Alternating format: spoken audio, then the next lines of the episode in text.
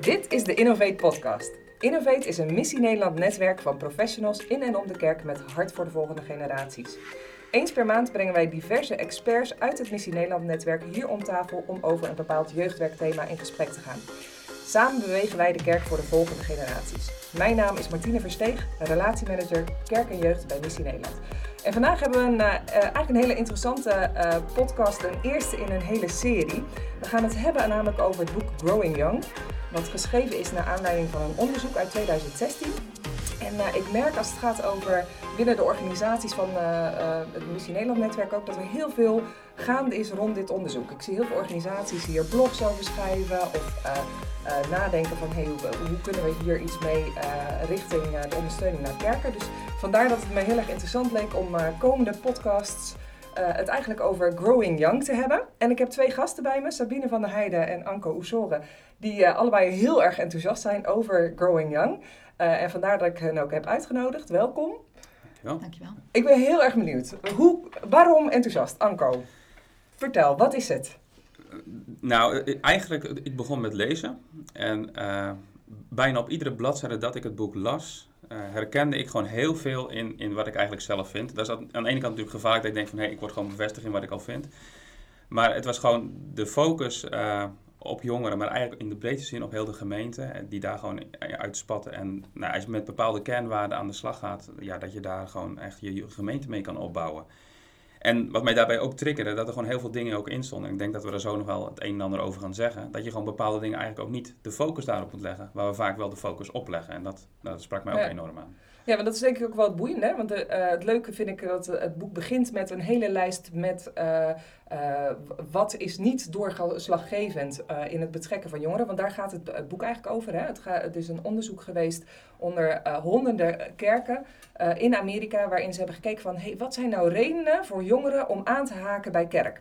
En um, het, het, leuke vind ik inderdaad dat ze uh, komen met eerst een hele lijst met dingen uh, wat niet doorslaggevend is. Dus het betekent niet dat het niet belangrijk is, maar in ieder geval wat niet doorslaggevend is voor jongeren om aan te haken bij kerk en geloof.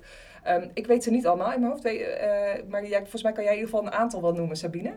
Ik weet ze ook niet allemaal uit mijn hoofd, maar ehm, het gaat niet om een flitsende jeugdwerker of een flitsende jeugdruimte of heel veel budget voor jongeren of een dominee die uh, geweldige flitsende diensten kan neerzetten. Al die dingen zijn niet onbelangrijk, maar uh, ze zijn niet doorslaggevend. Want het gaat namelijk om de hele kerk. En dat is ook waarom ik enthousiast ben over Growing ja. Young. Dat uh, ik zie heel veel kerken die zich zorgen maken over het feit dat er steeds minder jongeren zijn. Dat steeds minder twintigers en dertigers in de kerk blijven. En ze zoeken de oplossing vaak binnen het jeugdwerk. Dus ze kijken van, kunnen we een betere, uh, ja, beter jeugdwerk opzetten of moeten we een jeugdwerker aanstellen? En die dingen die zijn allemaal wel belangrijk. Maar of jongeren in de kerk blijven, dat heeft te maken met hoe die kerk als geheel in elkaar zit. Mm. En niet, met, niet alleen met wat er binnen het jeugdwerk gebeurt. En dat ja. vind ik het sterke van Growing Young dat het gaat eigenlijk helemaal niet over jeugdwerk, maar het gaat gewoon over een aantal andere elementen die doorslaggevend zijn. Ja. En volgens mij is het wel even leuk om in die zin uh, om ze even op te noemen uh, en daarna even heel kort even uh, langs te gaan. Want ze geven dus in dat onderzoek um, geven ze zes principes aan die ze merkten van hey, die waren doorslaggevend voor jongeren om aan te haken bij kerk en geloof. Um, de eerste is het doorgeven van leiderschap een warme gemeenschap. Een, uh, uh, dat, dat die kerken van jongeren uh, houden. Ehm, dat Jezus eh, zijn verhaal serieus wordt genomen. De boodschap van, serieus, eh, van Jezus serieus genomen. Um, dat ehm, jeugd en gezin eigenlijk prioriteit krijgen in de gemeente. En dat ze relevant zijn voor wijk en wereld. Dus dat, dat ze goed nieuws zijn voor hun wijk en daarbuiten. Dat zijn eigenlijk een beetje de zes uh, principes. Misschien is het even leuk om heel kort even uh, een soort van samenvatting voor de mensen die het boek niet hebben gelezen. Het is trouwens een aanrader om even te lezen, maar even een samenvatting. Uh, leiderschap doorgeven. Ja, zal ik, zal ik ja. doen? Ja. nou, wat, wat, wat heel erg belangrijk als, als ik gewoon dat, sorry, dat samenvat, dan zie je dat je jongeren moet eigenlijk de ruimte krijgen om een kwaliteit te ontwikkelen en zich in te zetten ja, in de gemeente. En uh, wat je vaak ziet in gemeenten is dat ze van, nou ja, vanuit met je top-down, om even zo te zeggen, aan het werk zijn. En dat, dat, dat gekeken wordt van, oh wacht, we hebben bepaalde vacatures die gevuld moeten worden. En uh, nou, eigenlijk zegt Groningen van, nou kijk nou eens wat jongeren kunnen, wat ze willen, waar hun talenten en ook een gave ligt, die ze gewoon op een bijzondere plek van God kunnen krijgen. En probeer die eens in te zetten. Dat is eigenlijk die eerste. Ja. Nou ja, wat ik even, even op, op die leiderschap doorgeef. Wat, ik, wat mij heel erg trof in het boek was een illustratie. En dat is misschien ook wel omdat ik het gewoon zelf heel erg herkende. Um, hij, uh, dat, dat, uh, in het boek uh, um, gaven ze de illustratie van de herinner, ja, ja. de oudsleutels. Van herinner je nog het moment dat jouw vader of moeder jou de sleutel gaven van hun auto toen jij je rijbewijs haalde? Ja. En uh, ik, ik, herinner me dat, ik weet nog wel dat toen ik dit eens een keertje ergens zei, dat ik iemand anders zei, nou dat ging niet helemaal van harte, zeg maar. Maar um, wel dat beeld van, uh, ik herinner me namelijk zelf op dat moment dat je echt dacht, wow, weten jullie dit wel zeker? Wat een verantwoordelijkheid wat je dan krijgt, zeg maar. Dus dat vind ik eigenlijk ook wel een hele mooie als het gaat over dus dat, dat stukje leiderschap doorgeven. Dat dus dat beeld is van niet zomaar verantwoordelijkheid geven, maar echt ook... Uh, waardevol, uh, of hoe, ze, ja, hoe noem je ja, dat? En, en dus ook dan het risico durven nemen dat dingen fout kunnen gaan. Dus dat, Ja. je, dat, dat je weet dat je de autosleutels weggeeft, maar dat je dan ook weet van nou hoor eens even. Ik kon nog niet rijden toen ik mijn rijbewijs had gehaald. Sommigen vinden nog steeds niet, dat is even een ander verhaal. Maar dus dat, dat je weet dat dingen fout kan, kunnen gaan. Ja. En dat is ook wel wat ik uh, nou ja, ook wel in kerk ook ziet van hey, durf je, mag een kerkdienst bijvoorbeeld mislukken?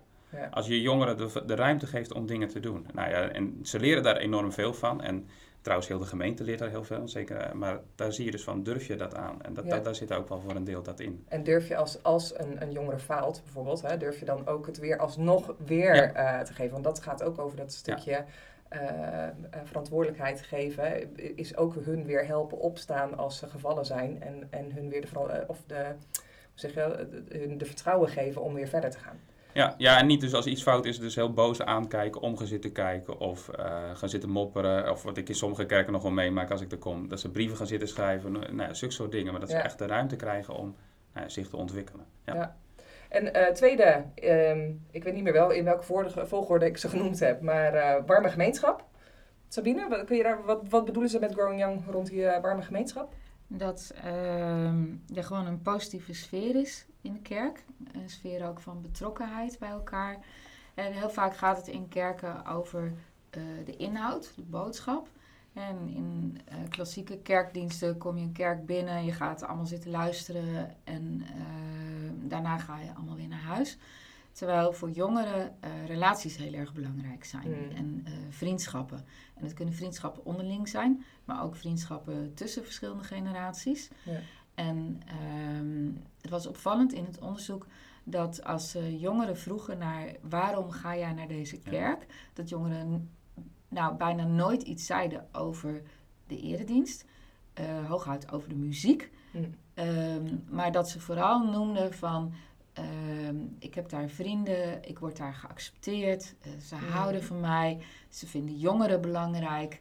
En ehm, ja, dat soort dingen eh, gaven ze dus aan dat voor hun belangrijk waren Ja. in de kerk. En het is natuurlijk ook wel logisch, want ehm, in deze tijd jongeren kunnen eh, zeg maar via social media kunnen ze naar kerkdiensten luisteren. Kunnen ze, je kunt zo de, best, de dominee die jij het best vindt, kun je beluisteren. Eh, je kunt op allerlei andere manieren informatie krijgen. Maar een gemeenschap, Ja. dat kun je alleen maar in die plaatselijke kerk krijgen. Ja. En ehm, ja, dus die is gewoon heel erg, eh, heel erg belangrijk. Ja, en ik denk ook wel dat het iets te maken heeft met, eh, hè, want ik zie ook heel vaak kerken waarin het wel enigszins warm aan toe gaat. En tegelijk kan je, kunnen jongeren altijd heel erg goed eh, aanvoelen wanneer bijvoorbeeld eh, dingen met de mantel der liefde worden bedekt bijvoorbeeld. Hè. In Mhm. hoeverre eh, is, is een gemeenschap ook dusdanig warm dat je elkaar echt voor verbinding is Ja. tussen gemeenteleden. Dus dan gaat het niet eens om volgens mij de verbinding alleen met, met de jongeren zelf, maar ook de verbinding onderling. Van hey, welke sfeer zien ze daar? Tuurlijk. Ja, dus het gaat om de hele sfeer. Hè, dus ik ken bijvoorbeeld vrij veel gemeentes waar je het vooral hoort als je iets verkeerd hebt gedaan. Ja. Hè, dus ik denk dat in deze gemeentes je het vooral hoort als je iets goeds hebt gedaan. Ja. En dat heeft natuurlijk ook te maken met het vorige punt van jongeren in leiderschap. Hè. Dus een van de mooie bijverschijnselen van als je jongeren verantwoordelijkheid geeft op wat voor gebied in de kerk dan ook. Hè, of dat nou is in een kindernevendienst of in een kerkdienst of in kringen Ja. of in eh, allerlei andere missionaire diaconale taken. Is dat ze dan op dat moment ook andere volwassenen leren kennen. Ja. En dat ze dus niet alleen afhankelijk zijn van hun ouders of van hun jeugdleider. Maar dat er ook gewoon relaties ontstaan tussen volwassenen en jongeren. En ehm, authenticiteit is daarin voor jongeren ook belangrijk. Dus dat Mhm. die volwassenen ook, hè, die maken ook fouten. Het is niet zo dat alleen de jongeren iets kunnen laten mislukken. Volwassenen kunnen ook iets laten mislukken. Mhm. En ehm, juist in een samenleving waarin er best hoge eisen gesteld worden aan jongeren, vaak de, de lat hoog ligt, jongeren nog onzeker zijn, is het gewoon heel belangrijk voor ze om mee te maken dat volwassenen ook eh, dingen fout kunnen doen, hun fouten toe kunnen geven, maar ook dat eh, zij zelf ook dingen goed kunnen doen en daarin ook complimenten en bevestiging van Ja. volwassenen kunnen ontvangen. En wanneer er fout gaat, er ook een stuk genade is. eh, in Ja, die zin. precies. Ja, Ja. vooral, ja. Dat. Ja. Ja. Ja. Ja. ja. Hey, en in dat opzicht haakt het ook wel aan bij de, bij de derde principe hè, van houd van jongeren. De, Mhm. ehm, eh, wil een van jullie daar op ingaan? Houd van jongeren, welk principe? Wat houdt dat in? Ja, nou, dan, dan kleur ik dat vooral in van pro- probeer je eens te verplaatsen, het, het inleven in, in, in de jongeren, in de leefwereld waarin zij zitten. Ja. Eh, nou, dat, dat is wat Sabine net ook al zei, van, je, er komt heel veel op jongeren vandaag de dag af. Als je gewoon kijkt, eh, nou ja, gewoon, ge- zeker generatie Z is groot geworden, de jongste generatie, in een tijd waarin heel veel crisissen zijn, waarin Ja. eigenlijk van alles aan de hand is. En je ziet ook dat ze eigenlijk, nou, als ik met jongeren ook in gesprek ben, dan geven ze eigenlijk ook in de meerderheid ook aan van dat ze het eigenlijk best wel somber inzien voor hoe de Mm. wereld ervoor staat en eh, waar, die, waar die naartoe beweegt. En tegelijkertijd zie je juist onder hen ook eh, een verlangen om je zich in te zetten voor een wereld die er beter uitziet. Ja. En dat verlangen zie ik ook in de kerk. Ik was afgelopen zaterdagavond ook bij een groep jongeren. En eh, die zien heel veel dingen fout gaan in de kerk, maar die hebben heel veel verlangen en vuur om iets te gaan doen. En Ja. ja, dat, dat vind ik fantastisch om te, om te zien. En dan zie je ook, nou het belangrijk wat in dat Groen Jong dan eigenlijk naar voren komt, is van probeer eens te verplaatsen daarin. Wat gebeurt er in hun wereld, wat, wat speelt er in hun leven? En eigenlijk krijg je daar vaak een cadeautje mee, want wat speelt in de leefwereld van jongeren, dat is eigenlijk wat uitvergroot is, wat in de, in de samenleving in de breedste zin ook gebeurt. En in de kerk dus ook. Dus als je daarin de focus legt eigenlijk op jongeren, dan zul je zien dat je de rest van de gemeente eigenlijk, alle generaties daarin eigenlijk uiteindelijk ook mee gaat krijgen. Ja, mooi. Ja. Ja, en ik denk dat in heel veel kerken dat er best wel weinig contact is tussen volwassenen en jongeren. Ja. Dat ze veel vooroordelen hebben ten opzichte van elkaar, die lang niet altijd kloppen. Ja. En ook dat volwassenen eh, dus denken van, oh, voor die jongeren moet het allemaal eh, super hip en eh, opgepimpt zijn, terwijl dat eigenlijk niet zo is. En dat eh, jongeren naast die trends in de samenleving waar zij gevoeliger voor zijn en eh, alles wat via social media en zo binnenkomt, natuurlijk ook gewoon dezelfde basisvragen hebben als volwassenen. Ja. Namelijk, eh, wie ben ik, waar hoor ik bij en welk verschil maak ik voor deze Ja. wereld? Ja. En een kerkgemeenschap kan jongeren helpen om daar goede antwoorden op te vinden. Ja. En eh, een van de grappige dingetjes uit het onderzoek vond ik bijvoorbeeld dat jongeren die actief waren in de kerk, die hadden het drukker dan leeftijdgenoten die Ja. niet actief zijn in de kerk. En toch ervoeren ze minder stress. Ja. En ik, Ja. hoe kan dat? Nou, dat kan doordat ze in die kerk ook vinden van... ik ben geliefd door God, eh, dat, ik heb een basis onder mijn bestaan... ik word geaccepteerd door mensen die inderdaad genadevol met mij omgaan. En daardoor konden ze veel beter omgaan met de stress die op ze afkwam... dan Ja. eh, jongeren van buiten de kerk. Ja, mooi ja. Ja, ja dat dat is mooi. Dat dat zeg je ook iets eh, heel bijzonders. Want dat merk ik soms ook in kerken. Die dan, dan krijg je echt van, ja, maar jongeren hebben het al zo druk. En we moeten ze niet te, te veel eh, overbelasten met dingen. Ik zeg, ja, maar als, je, als, als ze iets echt willen en als ze zien dat er een Ja. veilige basis is. Als die warme gemeenschap er is. Mm. En ze zetten zich in, dan, dan zul je ze inderdaad zien dat ze dat eigenlijk rust geven. En dat is heel paradoxaal, maar zo werkt het wel. Ja, ja. Dat vind ik zelf heel bijzonder om eh, te Ja. merken. Ja. Ja, bijzonder. Goed, even naar het volgende ehm, principe. Ehm, zet Jezus zijn boodschap centraal. Of neem het boodschap van Jezus serieus. Zou je denken dat dat toch de meeste kerken dat wel doen? Of wa- wat, wat wordt eh, de kern zeg maar, van deze principe? Ik denk niet dat er mee. Nou, ik denk dat er gelukkig heel veel kerken zijn die dat doen. Ehm, maar dat er ook heel veel kerken zijn die dat niet doen. Hè, dus je ziet dat juist meer. Ja, ik vind het altijd lastig om dat precies te duiden, maar de meer vrijzinnige kerken. Hè, waar het evangelie alleen nog vooral horizontaal is. Dat, eh, dat die jongeren verliezen. Die, die zie je vergrijzen. Zeker als ze daarnaast ook nog vasthouden aan ja, zeg maar een klassieke liturgie. Ja. Ehm, en, maar dat ook in kerken die denken dat Jezus centraal staat, het vaak gaat over abstracte waarheden. Terwijl Mhm, jongeren behoefte hebben aan concrete verhalen waarin het evangelie werkelijkheid wordt. Dus wat, ja, jongeren vragen natuurlijk heel vaak van, oké, ik geloof in God, maar wat is de relevantie voor mijn leven? Mm. En eh, dus ik denk dat dat heel belangrijk is, dat we eh, in die leefwereld van jongeren duidelijk maken van ehm, wie is Jezus en ehm, ja, wat zijn de verhalen van, uit de Bijbel, maar ook van gemeenteleden, waarin gewoon heel concreet duidelijk wordt wat de relevantie van Jezus in jouw leven is. Mm. Ja. ja, mooi. En ik merk ook wel dat ehm, eh, als het gaat over ehm, Jezus serieus nemen, dat, dat gaat dus ook om een stukje ruimte geven aan, eh, aan ermee stoeien en, en, en je Ja. twijfels. En, en eh, dat daar ook een, een, een plek voor is. En ik vind het zelf ook altijd wel interessant om te zien dat heel veel kerken, als je kijkt ook naar het jeugdwerk bijvoorbeeld, het kinderwerk heeft vaak de basis van, eh, hè, de, de, de basiswaarden van eh, God houdt van je, je bent geliefd. Ehm, eh, hè, de- de- en dat zijn hele mooie waarden die je heel graag kinderen wil bijbrengen. Maar ergens moet je gewoon je theologie gaan verbreden. Want als dat de enige, het Mhm. enige eh, eh, waarden zijn zeg maar, die ze aan God eh, eh, koppelen. En dat vind ik ook wel mooi. Hè? Dat staat vol- volgens mij ook in het boek over eh, eh, eh, therapeutische eh, deïsme. Wat is dat Deïsme, weer? Ja. Ja, moralistisch- deïsme. Moralistisch Mor- therapeutisch- ja. ja, deïsme, ja. Ja. Moralistisch therapeutisch deïsme. Van, hè, dat het eigenlijk een soort van ANWB-god is. Van nou ja, hè, we weten, hij wil dat je goed doet. Eh, en eh, hij, eh, hij houdt van je. En verder heb je eigenlijk niet zo heel veel last van Ja. hem. Of aan, aan de andere kant de butler. Ja. De- ja, of de butler inderdaad. Dus dat je daarin ook merkt dat het stukje eh, het verhaal van Jezus serieus neemt. Dat het ook gaat over ehm, eh, de rauwe kanten. En, en hè, dus dat die theologie ook veel breder en dieper wordt eh, in, naarmate ze ouder worden. Wat ook noodzakelijk is, hè, omdat die jongeren natuurlijk eh, opgroeien in een geseculariseerde samenleving, Ja. waarin geloven niet vanzelfsprekend is. Hmm. En dat betekent dat ze door een fase heen moeten waarin ze dat geloof bevragen, zodat het stand houdt in die samenleving. Ja.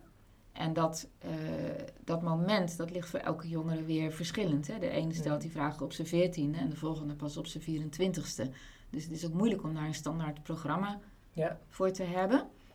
En het is denk ik ook niet toereikend om bij lastige vragen te vragen te zeggen, ja, dat weet ik ook niet. Nee. Eh, hè, dus het doet ook een beroep op onszelf, dat we Hmm. nadenken over, eh, ja, hoe zit het nou met, Ja. met het lijden in de wereld en allerlei andere Ja. lastige dingen. Ja.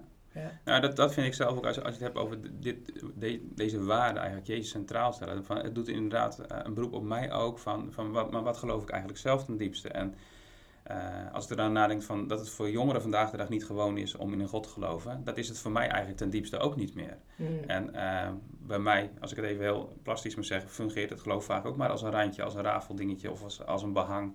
En nou, wat betekent Jezus dan ten diepste ook voor mij? En dat zijn antwoorden die jongeren naadloos aanvoelen. Als bijvoorbeeld ook eh, als ze in de Mm. kerk een verhaal horen, een preek horen. Ja, waarin, waarin die worsteling ook niet naar voren komt. Ja. Waarin eh, de twijfel ook niet naar voren komt. Maar het- soms ook gewoon het verlangen, de groeimogelijkheid. Ik heb gekscherend zelf wel eens gezegd dat de Bijbel eigenlijk een ongelooflijk boek is. Hmm. Eigenlijk vanaf bladzijde 1 zie je al dat het fout gaat. Hmm. En dat geloven of niet geloven in God, of je van God afwenden, dat dat eigenlijk onze basishouding is geworden. Hmm. Nou, wat ik zelf merk is als, als je dat al deelt met jongeren en vanuit die optiek ook de Bijbelverhalen gaat lezen, vooral ook verhalen van Jezus, waarin, waarin, waarin Groen Jonge eigenlijk op doelt van ge- gebruik die verhalen nou eens als, als vertrekpunt, wat er speelt. Ja, dat jongeren daar heel veel aan kunnen hebben. Ja. En niet alleen jongeren dan weer, want dan zie je Ja, eigenlijk ook ja. dat het doorwerkt. Voor we jezelf ook, maar ook voor ouderen. Wat we eigenlijk nu al eh, meerdere keren in deze eh, podcast hebben genoemd. Hè? Van, hey, daarin merk je dat deze principes, dat gaat eigenlijk niet zozeer over jongeren. Nee. Ehm, eh, want dit- zien we dat het net zo goed geldt voor volwassenen. Ehm, dat ze daarin ja, hierdoor aangesproken worden. Zeg maar. Ja. Ja. Hey, en ehm, eh, de- volgens mij zitten we ondertussen op het vijfde principe. Geef de jeugd eh, en gezinnen in alles prioriteit. Ik weet dat dit altijd eentje is die eh, aan de ene kant uit het onderzoek zegt Ja. dat dit een van de belangrijkste is, of in ieder geval door, eh, hè, van, van de zes Mhm. principes. En tegelijk is het degene die eh meeste weerstand op eh, roept. Klopt, Ja. ja. Wat, wat houdt het in? Het principe eh geef prioriteit aan eh, jeugd en gezinnen.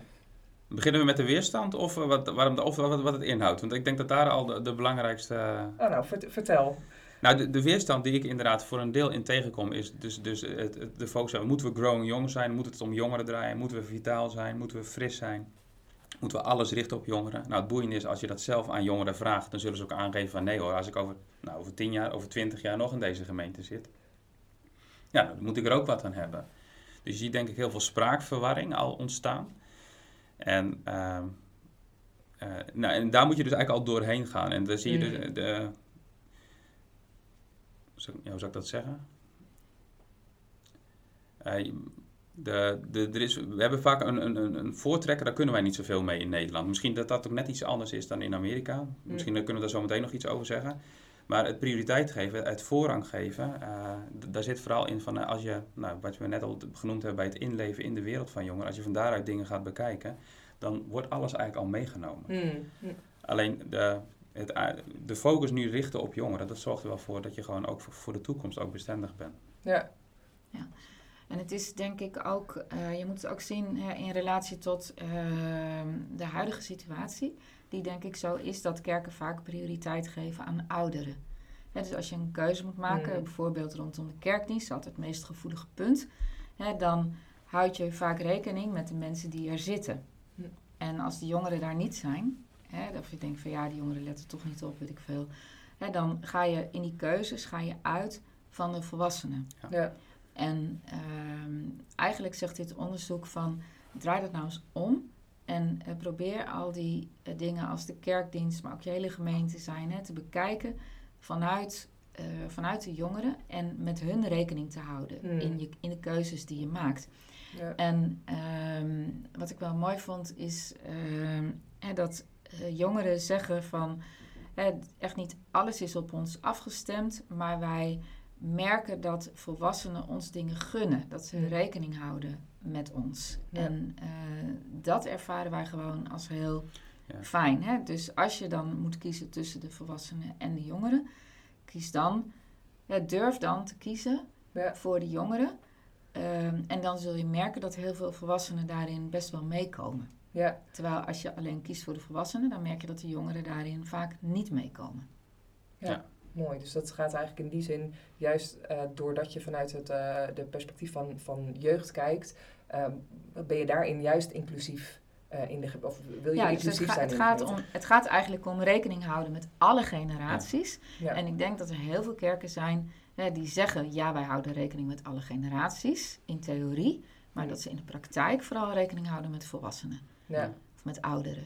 Ja. En hè, dat we eigenlijk zeggen: van, nou, draai dat nou eens om en houd echt rekening met alle Ja, generaties. en, en dan gaat het naar mijn idee ook, want, want vaak, eh, waar, waar, waar moet je dan aan denken? Als je zegt van, hé, hey, eh, eh, een kerk die prioriteit geeft aan jeugd.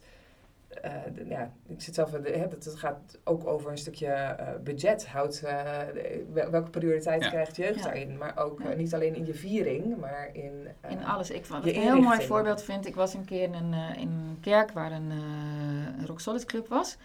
En die zaten in een ruimte die gebruikt werd door de vrouwenvereniging. En die ruimte die hing vol met eh borduurwerken, met kruissteekjes en dat soort dingen. En die leiders die waren altijd een uur van tevoren in de kerk. En die haalden dan al die, eh, die eh, borduurwerkjes van de muur. En die hingen daar dan eh jongere posters op. Ja, Nou, super.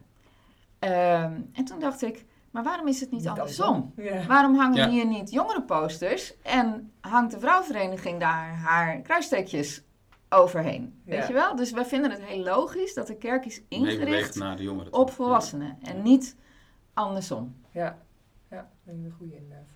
Goed, hey, en eh eh, laatste eh, eh, principe eh, gaat hè, over de- dat wees relevant voor je wijk, voor wereld. Dus de, de, het goed nieuws Mhm. zijn voor eh, verder.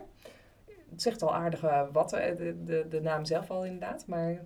Nou, het geloof moet handen en voeten krijgen, als ik het heel kort samenvat. Ja. Eh, de- wat voor jongeren ontzettend wezenlijk is, is dat, dat, dat het, het geloof dat het vorm krijgt in het dagelijks leven, in de realiteit waarin ze leven. Juist ook, hè, wat we net ook al zeiden, van dat geloven eigenlijk niet gewoon is voor hen.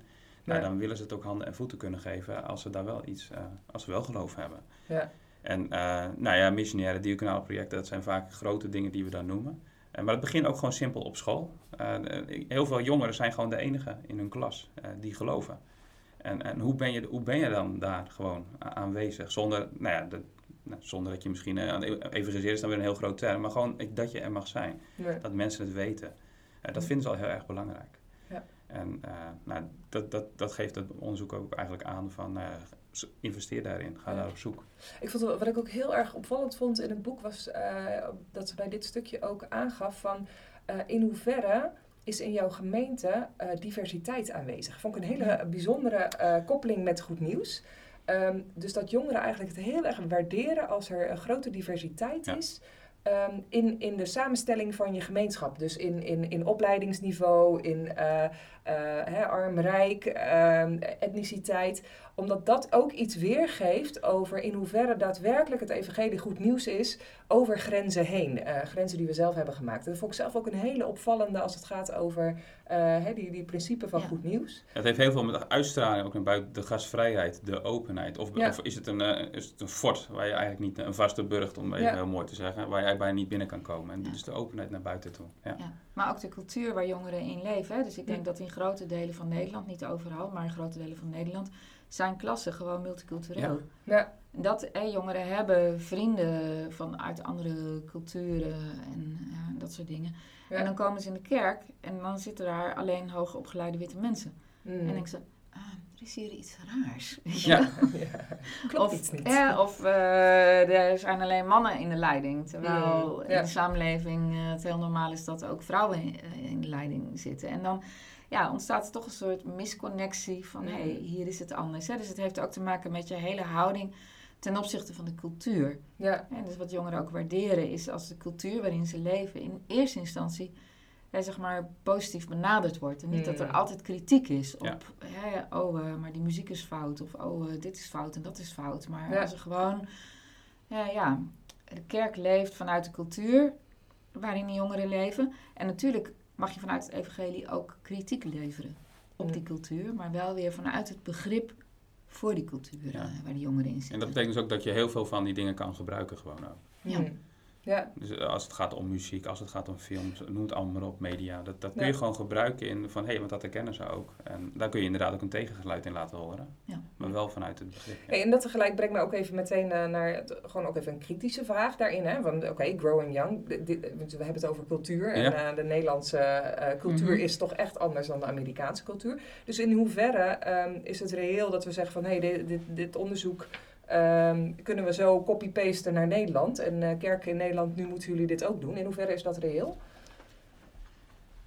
Uh, ja, in zijn algemeen durf ik zeggen dat, dat, we veel gewoon wel over kunnen nemen. Uh, want ik, wat mij samen, eigenlijk vond ik Growing Young, afgezonderd misschien van de titel, heel erg niet passen in een Amerikaanse cultuur, in de manier waarop het geschreven is.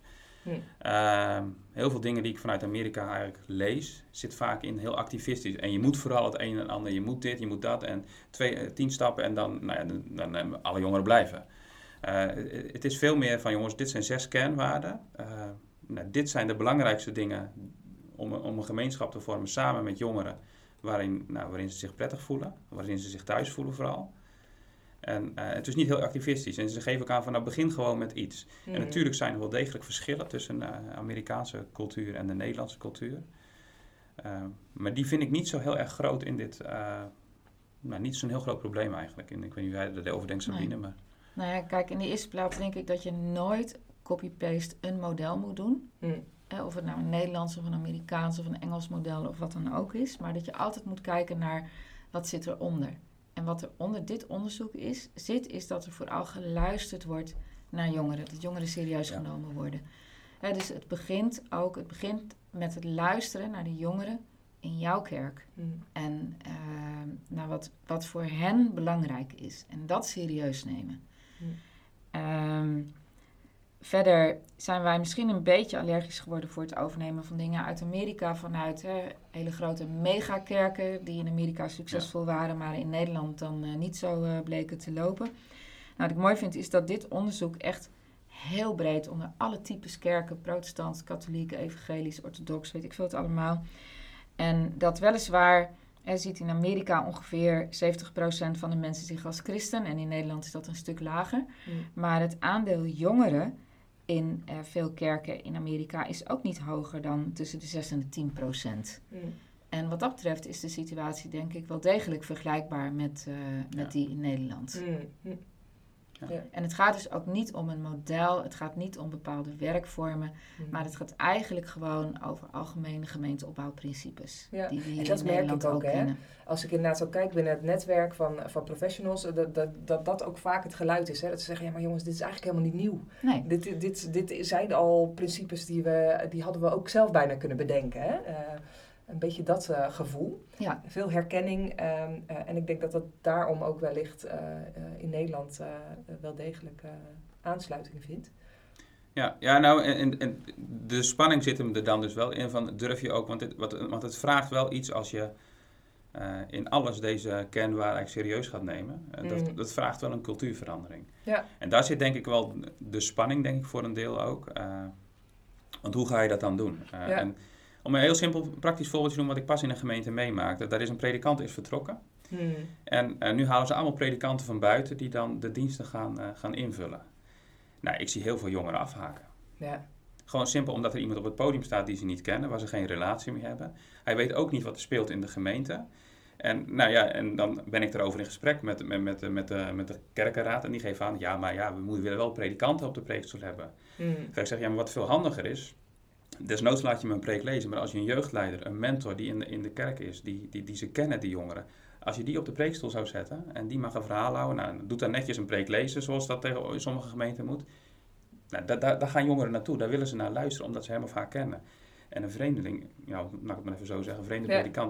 die- daar hebben ze niet zo heel veel mee. Nee. het is een hele kleine dingetjes, waarin eigenlijk al Grow Jong zegt van, hé, hey, wat heb je dan voor over? Wil je dan een predikant hebben? Of denk je van, nee, als we nou denken vanuit deze kernwaarden, wat is dan het belangrijkste voor jongeren? Nou, dat is gewoon Mm. even een simpel voorbeeldje, maar zo Ja. kun je met heel veel dingen aan de gang gaan. Ja, en tegelijk, ik, ik bedoel even nog een lekkere kritische noot. eh, deze wordt denk ik ook vaak gesteld. Hè, van in hoeverre is dat je doel? Eh, hè? Is, is het doel van de kerk om te verjongen?